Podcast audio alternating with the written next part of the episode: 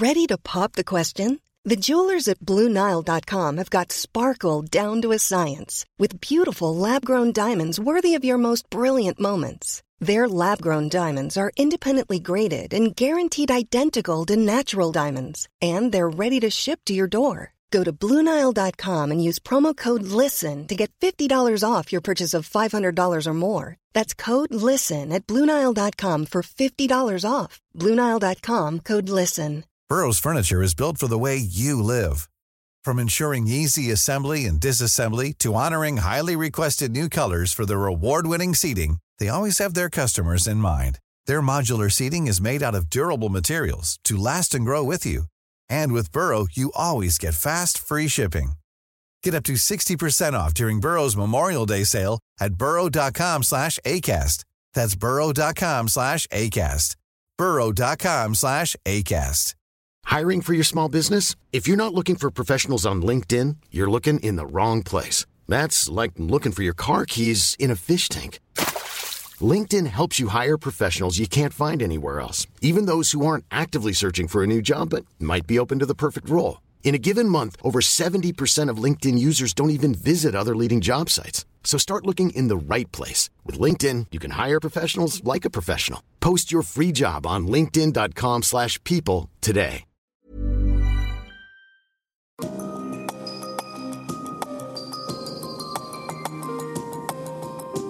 Du lytter til podkast fra Oslo Militære Samfunn. Besøk vår hjemmeside oslomildsamfunn.no, og se oss også på Facebook, Twitter og LinkedIn. I kveldens medlemsforedrag i Oslo Militære Samfunn møter du seniorforsker ved Norsk utenrikspolitisk institutt, Julie Wilhelmsen. Hun foredro om Russland, og få besitter en så bred kunnskap og erfaring om nettopp Russland som det Julie gjør. Og Foredraget ble som forventet svært interessant og veldig relevant. Foredragets tittel var 'Russland hvor reell er trusselen, og hvordan bør Norge forholde seg til den'? Tittelen var altså 'Hvor reell er trusselen, og hvordan bør Norge forholde seg til den'? Ja, hvordan skal vi egentlig vurdere om Russland er en trussel, og hvordan blir Russland en trussel? Mitt utgangspunkt er dette.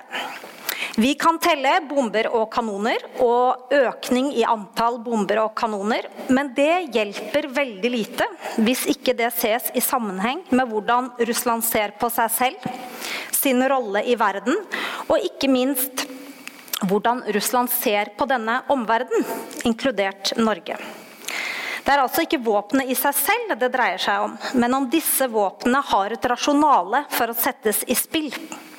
Og dette rasjonalet er altså historien om hvordan Russland ser seg selv og de signifikante aktørene på den internasjonale arena. Og jeg sier signifikante fordi Russland historisk sett er mye mer opptatt av visse stater eh, enn andre. Russland er alltid spesielt opptatt av Vesten, spesielt opptatt av USA, spesielt opptatt av Nato.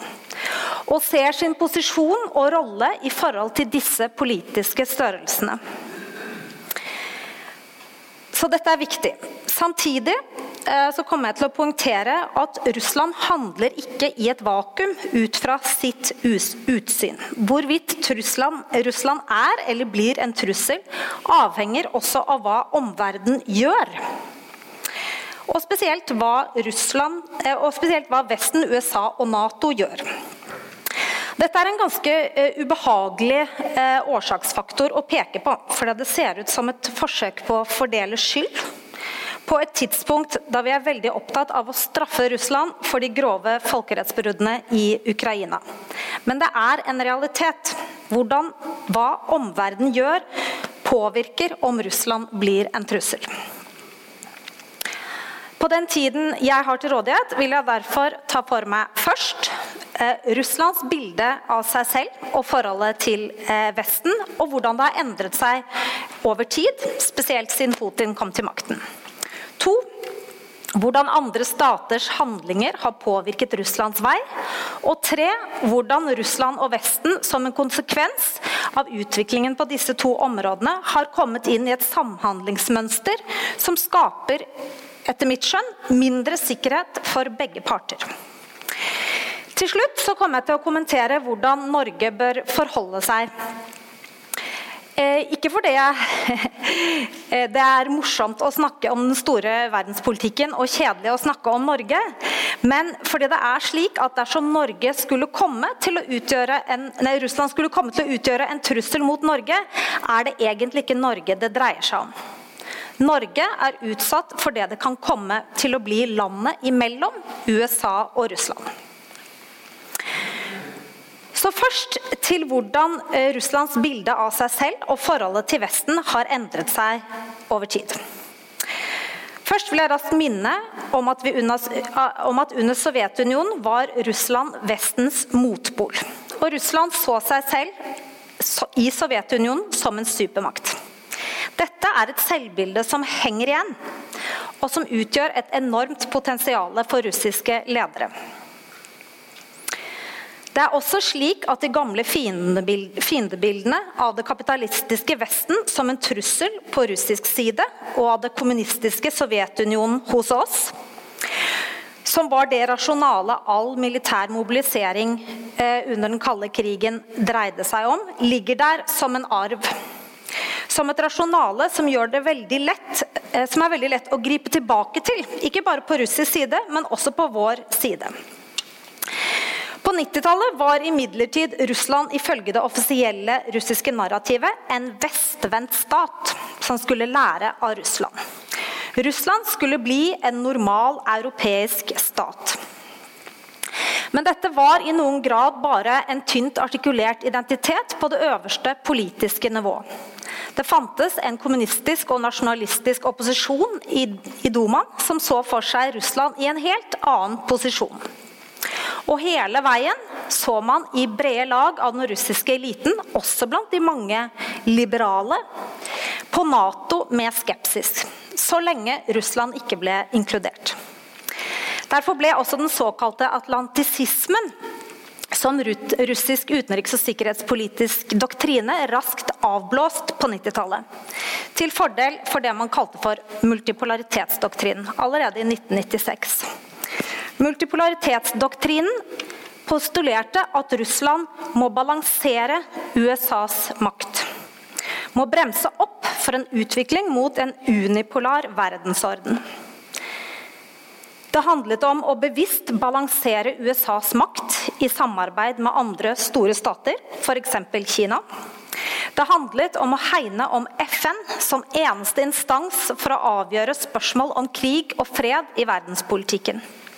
Det handlet om å hegne om den tradisjonelle folkeretten som vernet om statenes suverenitet. Dette er altså allerede på 90-tallet. Så fort Putin kommer til makten, begynner han å arbeide for å snakke om Russland som en sterk makt. Om behovet for å gjenreise Russland. Jeg har sett det spesielt godt, for jeg har jobbet mye med Tsjetsjenia-krigen. Og da ser jeg at når Putin snakker om Russland, så er det fra første stund på en helt annen måte enn det Jeltsin gjorde. Russland eh, må være sterkt. Um, Og alle forsøk på å eh, gjøre Russland svakt, f.eks. ved tsjetsjensk separatisme, må eh, bekjempes. Og det er en første prioritet. Og denne nye artikulasjonen da, av Russland som en, eh, en, sterk makt har bred appell i den politiske opposisjonen i Dumaen og i brede lag av det utenriks- og sikkerhetspolitiske etablissement. Og Der ser vi raskt forskjellen på Putin og, eh, og Jeltsin. Men i dette narrativet, hvis vi studerer hvordan Putin snakket, så er ikke Vesten eh, og USA en fiende eller en trussel. Men Det er en mulighet. Russland skulle bli sterkt igjen gjennom en integrering i den vestlige økonomiske sfæren. Gjennom samhandling med Vesten.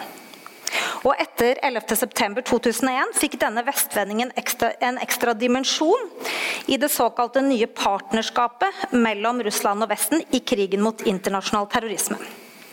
Og dette var ikke eh, bare noe vi leste i statsledernes ord, men det manifesterte seg også i konkret samarbeid. Russland sier ja til etablering av amerikanske baser i Sentral-Asia, altså i tidligere Sovjet. Russland aksepterer at USA trekker seg fra den såkalte ABM-avtalen. Vi får en ny nedrustningsavtale i 2002. Og vi ser også eh, en formidabel etterretningsutveksling faktisk mellom eh, USA og, Russland. Også mellom Norge og Russland. På dette tidspunktet uttrykker Putin til og med at det er på tide å slutte å lage bråk om Nato-utvidelser, og legger til at man må jobbe sammen for å få til en felles europeisk sikkerhetsstruktur. Nå er vi altså i årene etter, etter 11.9. Så skjer det imidlertid ganske raskt et skifte med krigen mot Irak. Russland snakker om USAs alenegang, at krigen mot Irak ikke er en del av krigen mot terrorisme. At USA bryter den tradisjonelle folkeretten. Den som hegner om statenes suverenitet. Og Kosovo-krigen trekkes igjen fram og settes i et, i et negativt lys. Som et eksempel på USAs eh, og Natos alenegang i verden utenfor folkerettens rammer.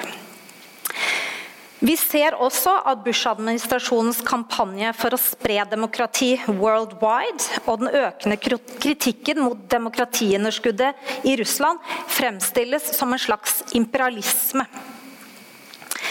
Et enda kraftigere skifte i Russlands bilde av, Russ eh, av, USA og Vesten skjer i forbindelse med de såkalte fargerevolusjonene i post-Sovjetområdet i 2003 i Georgia og i Ukraina i 2004. Disse revolusjonene, hvis man går og leser hvordan de blir snakket om i russisk offisiell eh, retorikk, fremstilles som en slags USAs hånd inn i Russlands nærområder. Tesen er at USA støtter og bygger opp folkelige opposisjoner rundt demokrati- og menneskerettighetsparoler for å fjerne legitime regimer og sette sin antirussiske mann på toppen. Det er altså slik man ser eh, på Saakashvili f.eks. i Georgia. Og post, eh, det postsovjetiske området fremstilles ikke lenger som en potensiell samarbeidsarena mellom Russland og Vesten, men som et nullsumspill. Amerikanske baser i Sentral-Asia og antiterrorarbeid i Kaukasus fremsto plutselig i et helt annet lys enn det det gjorde etter 2001.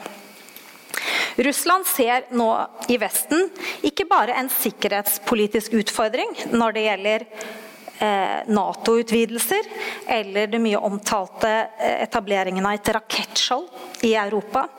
Russland ser også en systempolitisk utfordring. Regimer USA definerer som udemokratiske, må fjernes.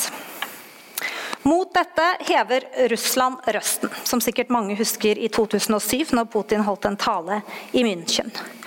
Og Mot dette intensiverer eh, Russland også samarbeidet med Kina i Shanghai Cooperation Organization og forsøker å bygge opp den kollektive sikkerhetspakten, eh, som er et slags forsøk på å lage et Nato i, det postsovjetiske området.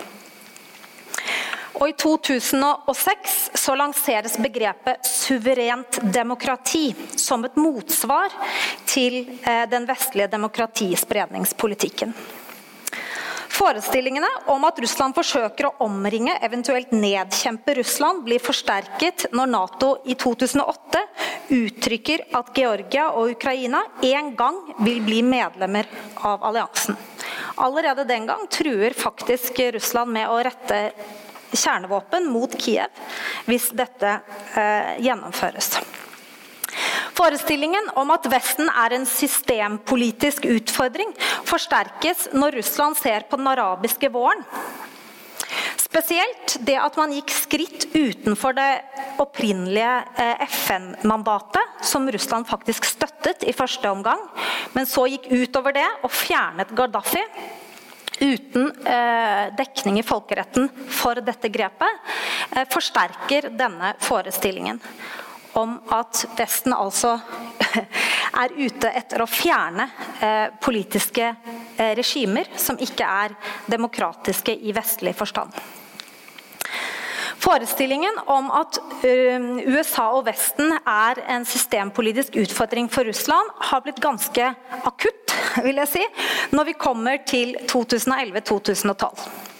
Da står Putin-regimet for første gang siden Putin kom til makten, overfor regimekritiske eh, demonstrasjoner på hjemmebane i Moskva og flere store russiske byer. Og det interessante når Putin skal svare på spørsmålet hvor kommer disse, hvor kommer disse demonstrasjonene fra, så, si, så, så nevner han navnet Hillary Clinton.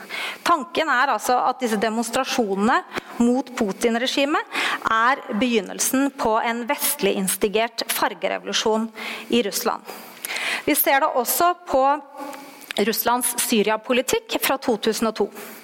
Russland stemmer ned enhver resolusjon som kan gå i retning av flyforbudssone og, og regimeendring i Syria.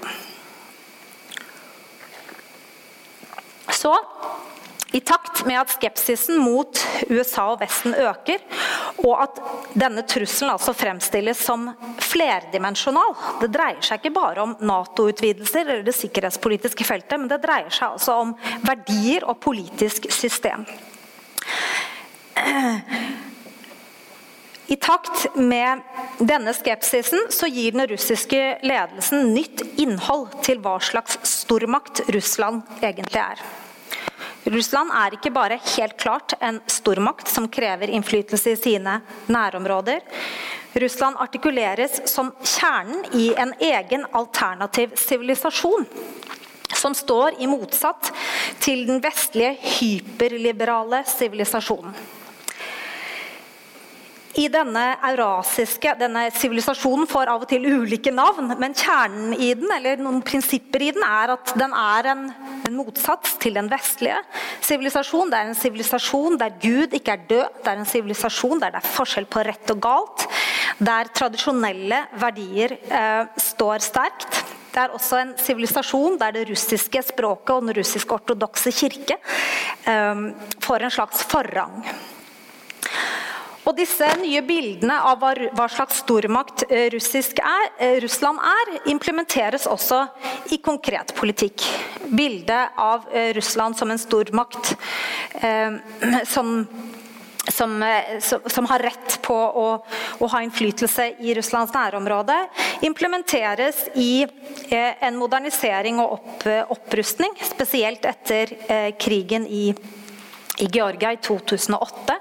Og dette bildet av at Russland egentlig representerer en alternativ sivilisasjon, eh, eh, blir implementert i visjonen om en eurasisk union.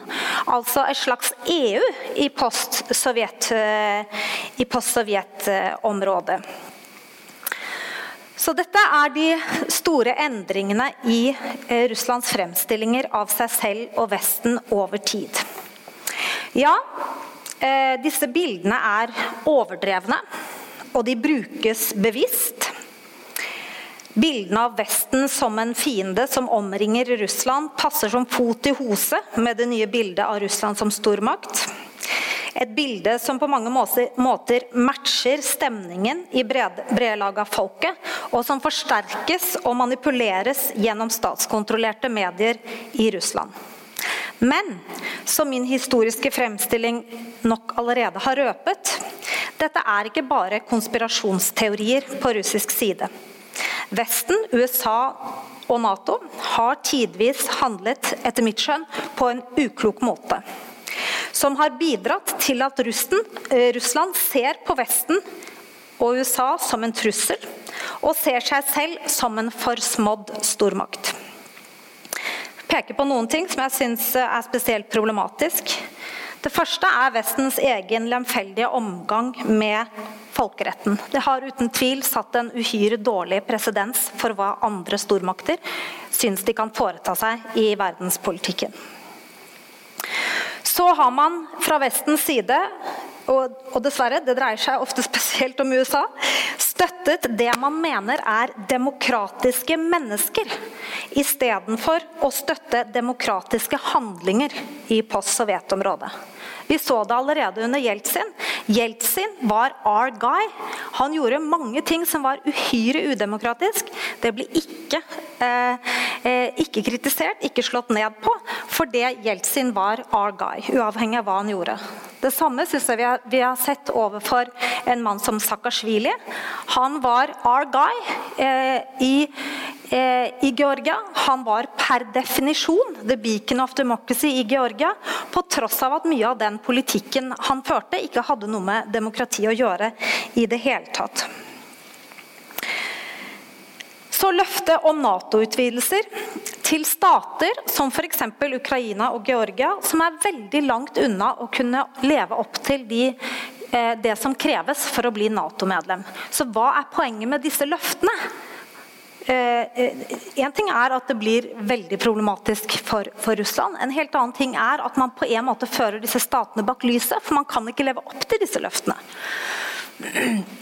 Generelt, når det gjelder Nato-utvidelser og løfter og implementering av slike, er det et problem at man ikke har klart å ha blikket på to steder.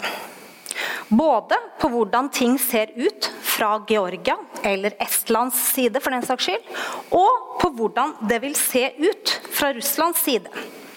For det Russland ser, de ser på kartet, og de ser at eh, Nato kryper nærmere Russlands grenser.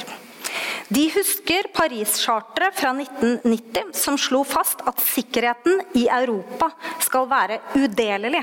Det vil si at det å øke en stats sikkerhet ikke skal gå på bekostning av en annen stats sikkerhet. Og de har selvfølgelig kunnet si at det er Vesten som har brutt disse avtalene. Så når vi da kommer til krisen og krigen i Ukraina, som tross alt er et vannskille, selv om alt det jeg har skissert nå viser med all tydelighet at vi har en konflikt eh, i emning, så betinger eh, Russlands forestillinger om seg selv og om Vesten Russlands handlinger eh, i Ukraina. De sjokkerende handlingene vi ble vitne til i Ukraina. I Ukraina. Russland som stormakt med ambisjoner om å etablere en eurasisk union, der Ukraina på mange måter skulle være en, en krumtapp sammen med Russland, gjorde integreringsavtalen med EU, som eh, nesten ble inngått eh, høsten 2013, vanskelig for Russland å svelge. Den ville selvfølgelig ha umuliggjort eh, Ukrainas medlemskap i en eurasisk union. Og den ville umuliggjort opprettholdelsen av det tradisjonelle tette handelssamkvemet Russland har hatt med Ukraina. Dernest den russiske ledelsens skrekkscenario, det de kaller amerikansk eh, regimeendringspolitikk gjennom fargerevolusjoner, så ut til å gå i oppfyllelse da Maidan veltet Janukovitsj. Og det var ikke bare hvor som helst, det var i Ukraina. I tillegg så Russland for seg, i kjølvannet av dette, et ukrainsk Nato-medlemskap. Nå ville det bli en realitet, og de ville i tillegg miste Svartehavsflåten sin på Krim.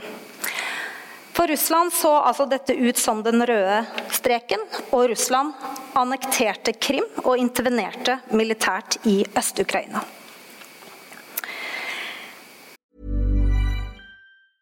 When you're ready to pop the question, the last thing you want to do is second guess the ring.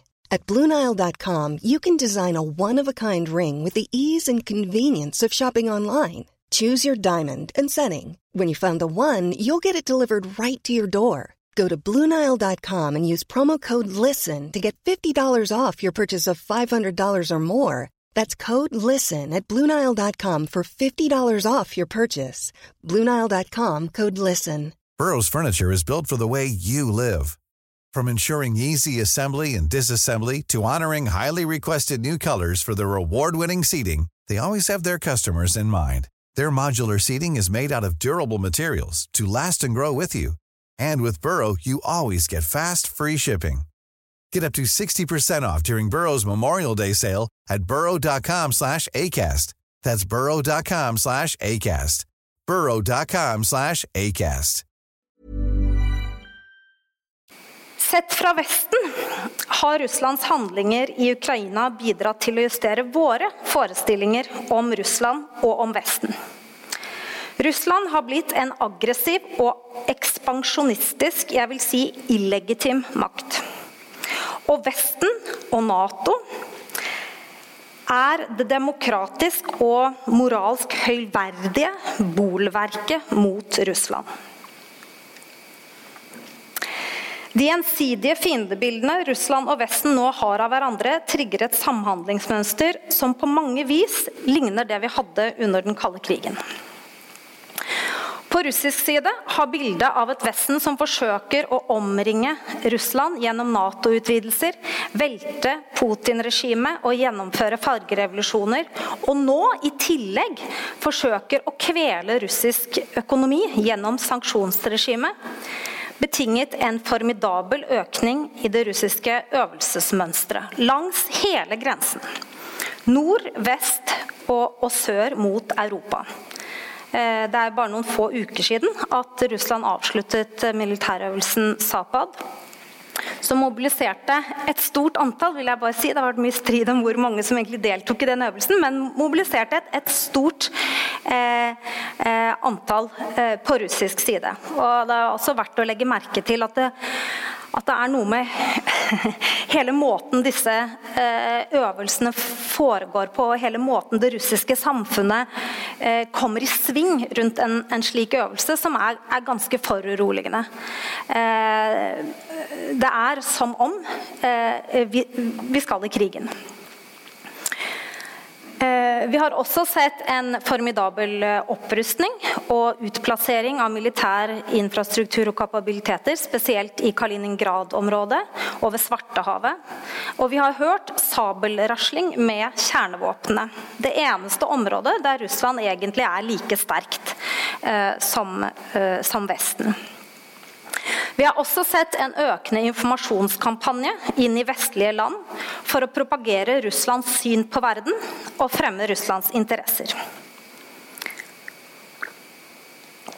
På vestlig side har forestillingen om Russland som en aggressiv og ekspansjonistisk makt betinget moralsk, økonomisk og i noen grad militær støtte til det nye i regimet i Kiev. Ikke uforståelig. Men det, er, det som er, er, interessant de, de, siste månedene, og kanskje litt eh, overraskende, det er at mens eh, Obama-administrasjonen i sin tid avslo å bevæpne Kiev med såkalte lethal weapons, så har vi under Trump nå fått et vedtak som gjør det mulig for presidenten å gå til dette skrittet. Fra vestlig side så har vi også sett eh, en, eh, en, fortsettelse og en opptrapping så vidt jeg har skjønt, i samarbeidet med Georgia siden 2014. Altså en stat som ligger som grenser til Russland, og som tidligere var del av Sovjetunionen. Og vi har fått et helt nytt militært øvelsesmønster på, eh, på den vestlige siden også. I 2016 brakte øvelsen Anaconda over 30 000 soldater til Polen opp mot Russlands grense. Og symbolsk nok, tyske soldater rykket langt østover mot Russland for første gang siden andre verdenskrig. Militærøvelsen Aurora i september i år kan fremstilles som et svar på denne Zapad-øvelsen jeg akkurat snakket om. Men sett fra Russland så trekker allikevel denne øvelsen eh, Sverige og Finland inn i et økende eh, eh, øvelsesmønster eh, i vest. Og inn som en del av Nato-blokken. På en annen måte enn det gjorde eh, under den kalde krigen, når disse statene forble mer nøytralt imellom. Vi har fått nye amerikanske og Nato boots on the ground i Polen og Baltikum. Fire bataljoner. I Norge så har vi fått 300 US Marines på Værnes, nå visstnok permanent. Og sist uke ble det bekreftet at vi også får US Marines i Troms. Og her kan dere rette på meg hvis jeg sier noe feil, for denne informasjonen har jeg fra media. Og vi har også, så vidt jeg har skjønt, uh, fått et øvelsesmønster i Norge som er nærmere grensa til Russland, og med flere britiske og amerikanske soldater enn vi hadde under den, den kalde uh, krigen så brukes det penger på å demme opp mot Russland. Bare for 2017 allokerte USA 3,4 milliarder friske dollar på såkalte, de såkalte reassurance-initiativene på østflanken mot Russland. Disse har visstnok fått en påplussing under Trump. Og vi har sett en utvidelse av det såkalte rakettskjoldet eh, i Europa. Og dette Rakettskjoldet er altså noe Russland i mange år har eh, motsatt seg, fordi de mener at det vil nøytralisere deres kjernevåpenkapabiliteter. Og som jeg sa, dette er det eneste hvor feltet egentlig hvor, hvor Russland kan matche vest, Vesten. Og jeg har også skjønt at Norge er i ferd med å utrede om vi kan bli en del av dette rakettskjoldet. Det går ikke an å liste opp alle tiltak som går inn i dette nye kappløpet for å avskrekke og demme opp for den andre. Vi kan bare notere at det er ganske mye mer omfattende enn det en ofte kan få eh, inntrykk av når en leser avisen.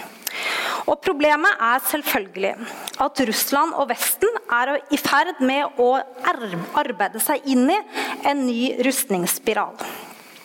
Begge parter kan si at de gjør det kun defensivt. Men fordi man har disse gjensidige fiendebildene av hverandre, vil det aldri oppfattes som defensivt av den andre. Snarere vil det se offensivt og truende ut.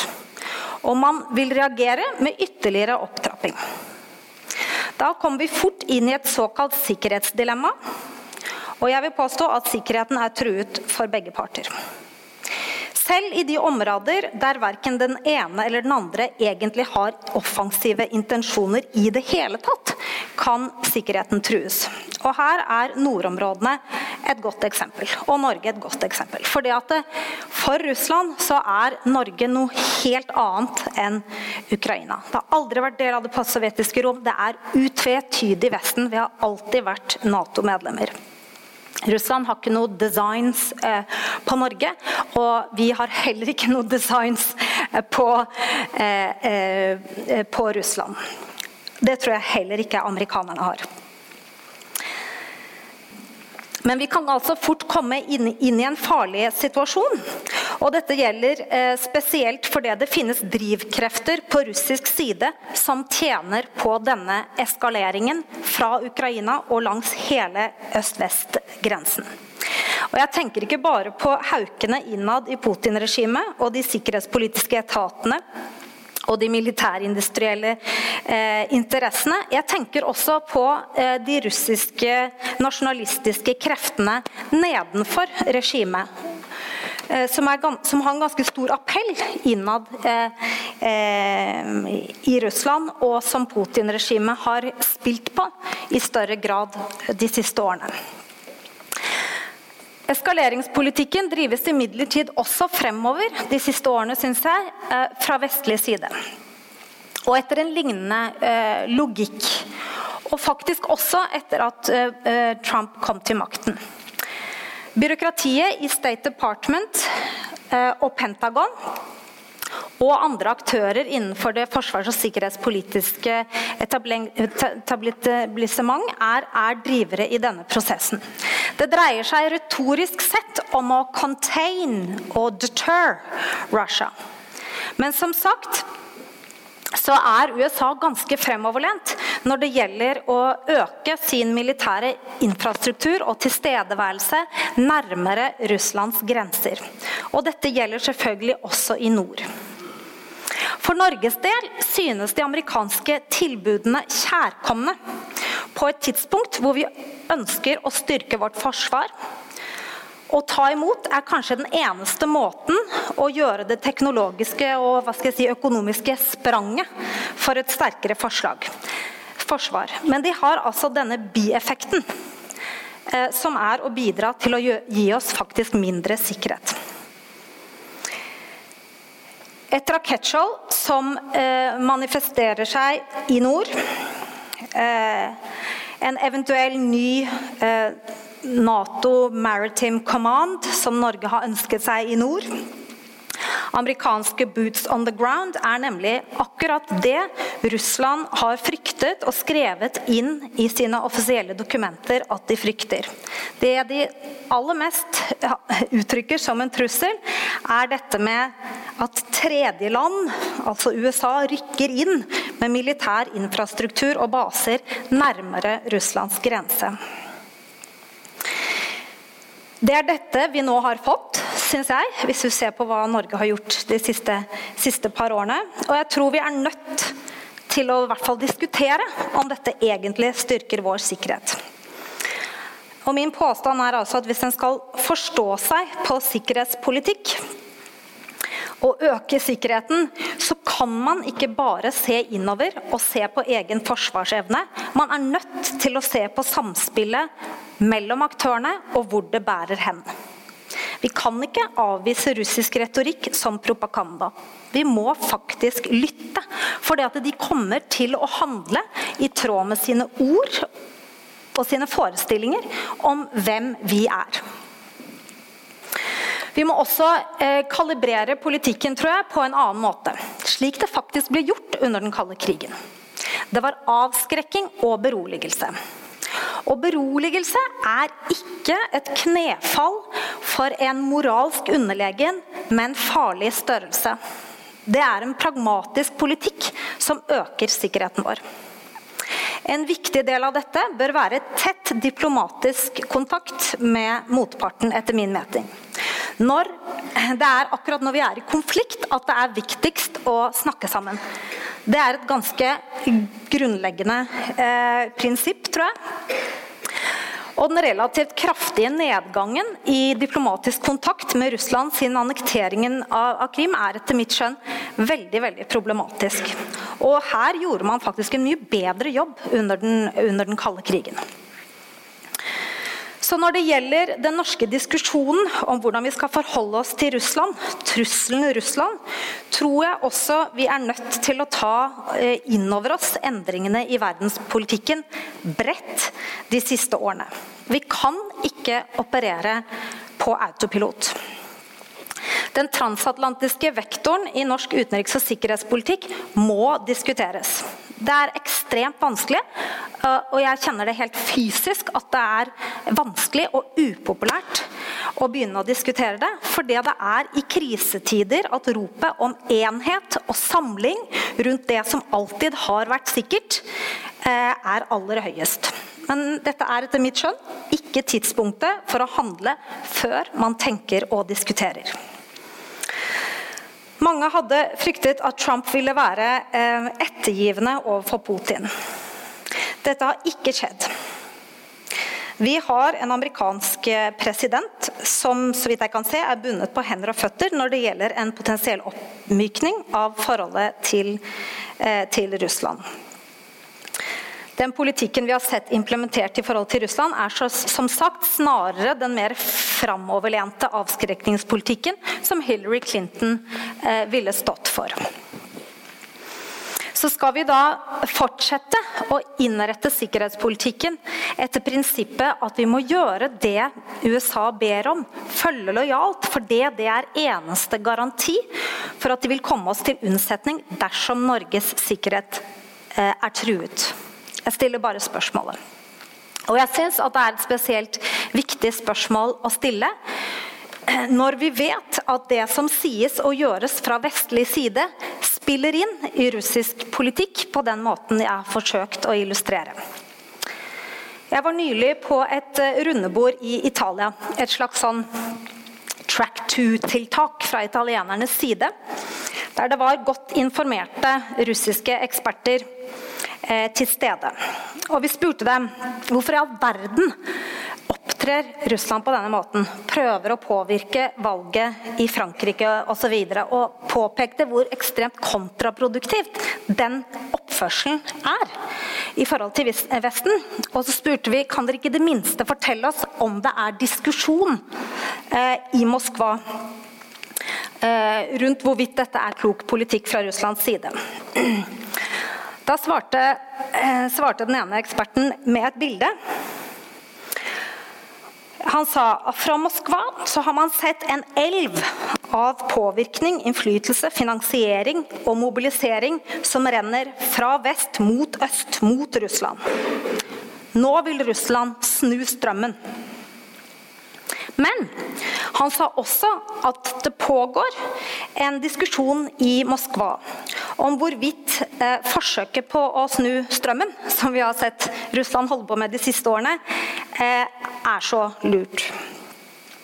Og han sa at det er eh, et ønske om å eh, deeskalere eh, eh, konfliktsituasjonen i forhold til, til Vesten i, i, i, Moskva, og at det faktisk er ganske sterkt i store deler av den russiske eh, eliten.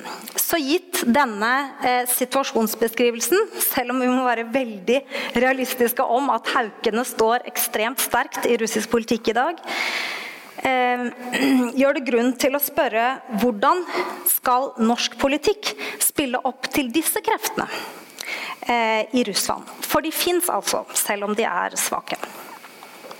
Takk.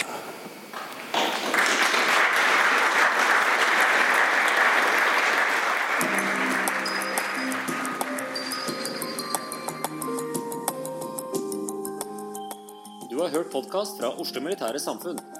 Besøk vår hjemmeside oslomildsamfunn.no, og besøk oss gjerne på sosiale medier som Facebook, Twitter og LinkedIn.